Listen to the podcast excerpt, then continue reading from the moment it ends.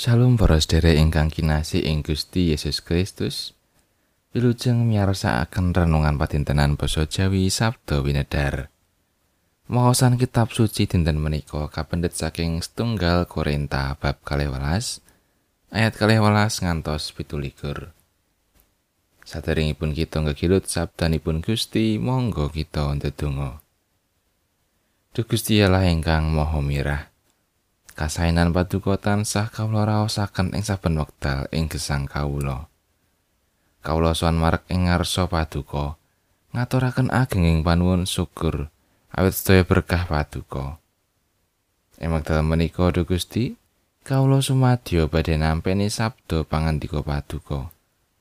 Mugi roh paduka ingkang madangi manah kawula. Paring kawula kasagetan anggenipun kawula nindakaken sabda paduka menika. Cakataing dosa kalepatan kawula, mugi Gusti kersa paring pangaksami. Wonten ing Gusti kawula Gusti Yesus Kristus, kawula ndedonga lan saos syukur. Amin.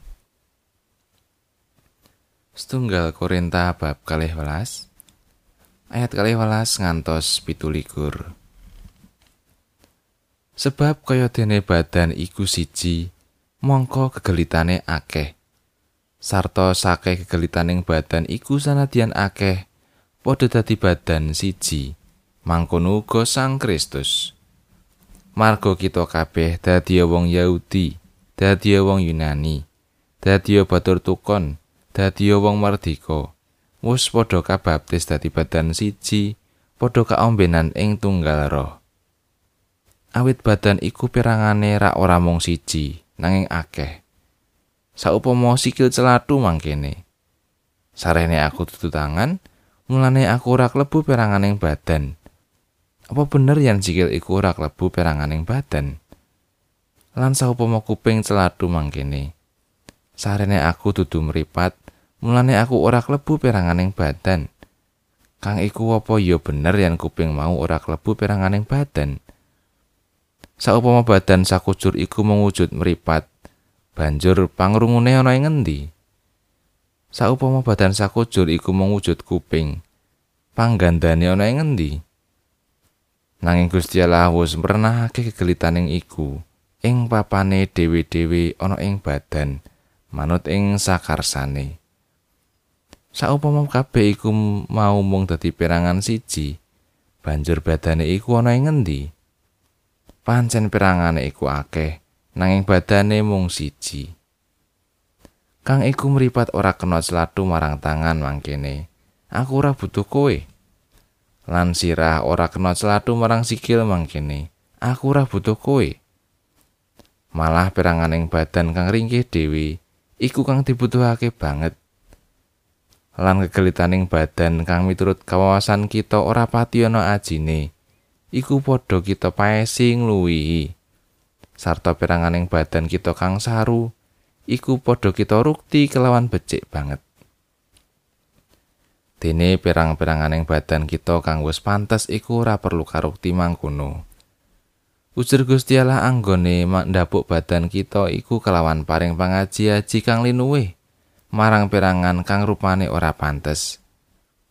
Supaya ing sadroning badan aja nganti ana pasulayan Nanging kabeh perangan kang beda-beda kaanane iku malah padha reksa rineksa.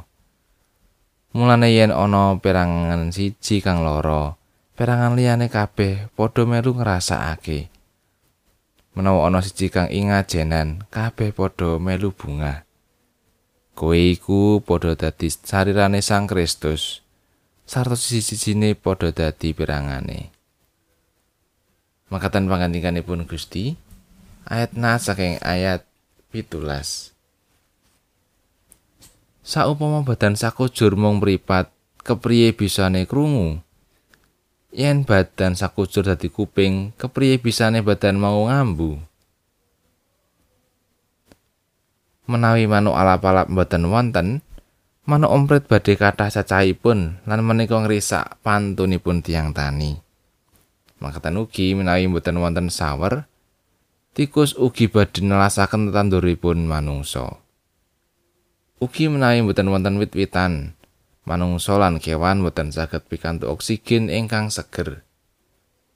Mila sedaya ingkang katitahaken dening Gusti Allah menika boten wonten ingkang loho, nanging mesti migunani. Wiwit saking semut ingkang alit ngantos dumugi wit ringin ingkang ageng. Sedaya nggadahi piguna tumrap kabetahaning titah sajagat. Menawi ngrumaosi kawontenan menika, Tiang temtu badhe mbudidaya mbangun swasana tentrem rahayu, mboten kangge dirinipun piyambak, nanging ugi kangge sedaya titah. Tentrem rahayu ingkang karaosaken dening titah sanes badhe ugi damel dirinipun ngraosaken tentrem rahayu. Saking gambaran menika kita mangertos kados pundi endahing swasana nalika manungsa memayu hayuning bawana. Imanipun ngantos wekdal samangke, Kawontenan ingkang endah menika dereng saged mawujud awit wontenipun saperangan titahipun Gusti Allah ingkang dumawah ing nepsu. Piyambakipun ngangah-angah kepengin gadai samudayanipun kangge dirinipun. Lan boten kepengin tiang sanes nemai kawontenan ingkang bingahaken. Menawi sampun mekaten, tiang menika badhe mbudidaya kanthi maneka warna cara supados pepinginanipun saged kagayuh. Mila sampun boten kaget menawi kepireng wonten manungsa ingkang padudon kalian sesaminipun kanthi ancas rebut bener lan kepingin dados sirah ingkang kuwaos ngatur lan nata gesang. Pancen sing semeng kadonyan ingkang saged enggal karaosaken menika damel sulaping manah ketimbang kalanggengan swarga ingkang taksih katampi benjang. Maosan dinten menika ngengetaken kita Bilih sedaya titah kedah saged ngiwakaken nepsu lan pepenginan pribadi kanthi ngudi kasaenan kangge gesang sesarengan. Amin.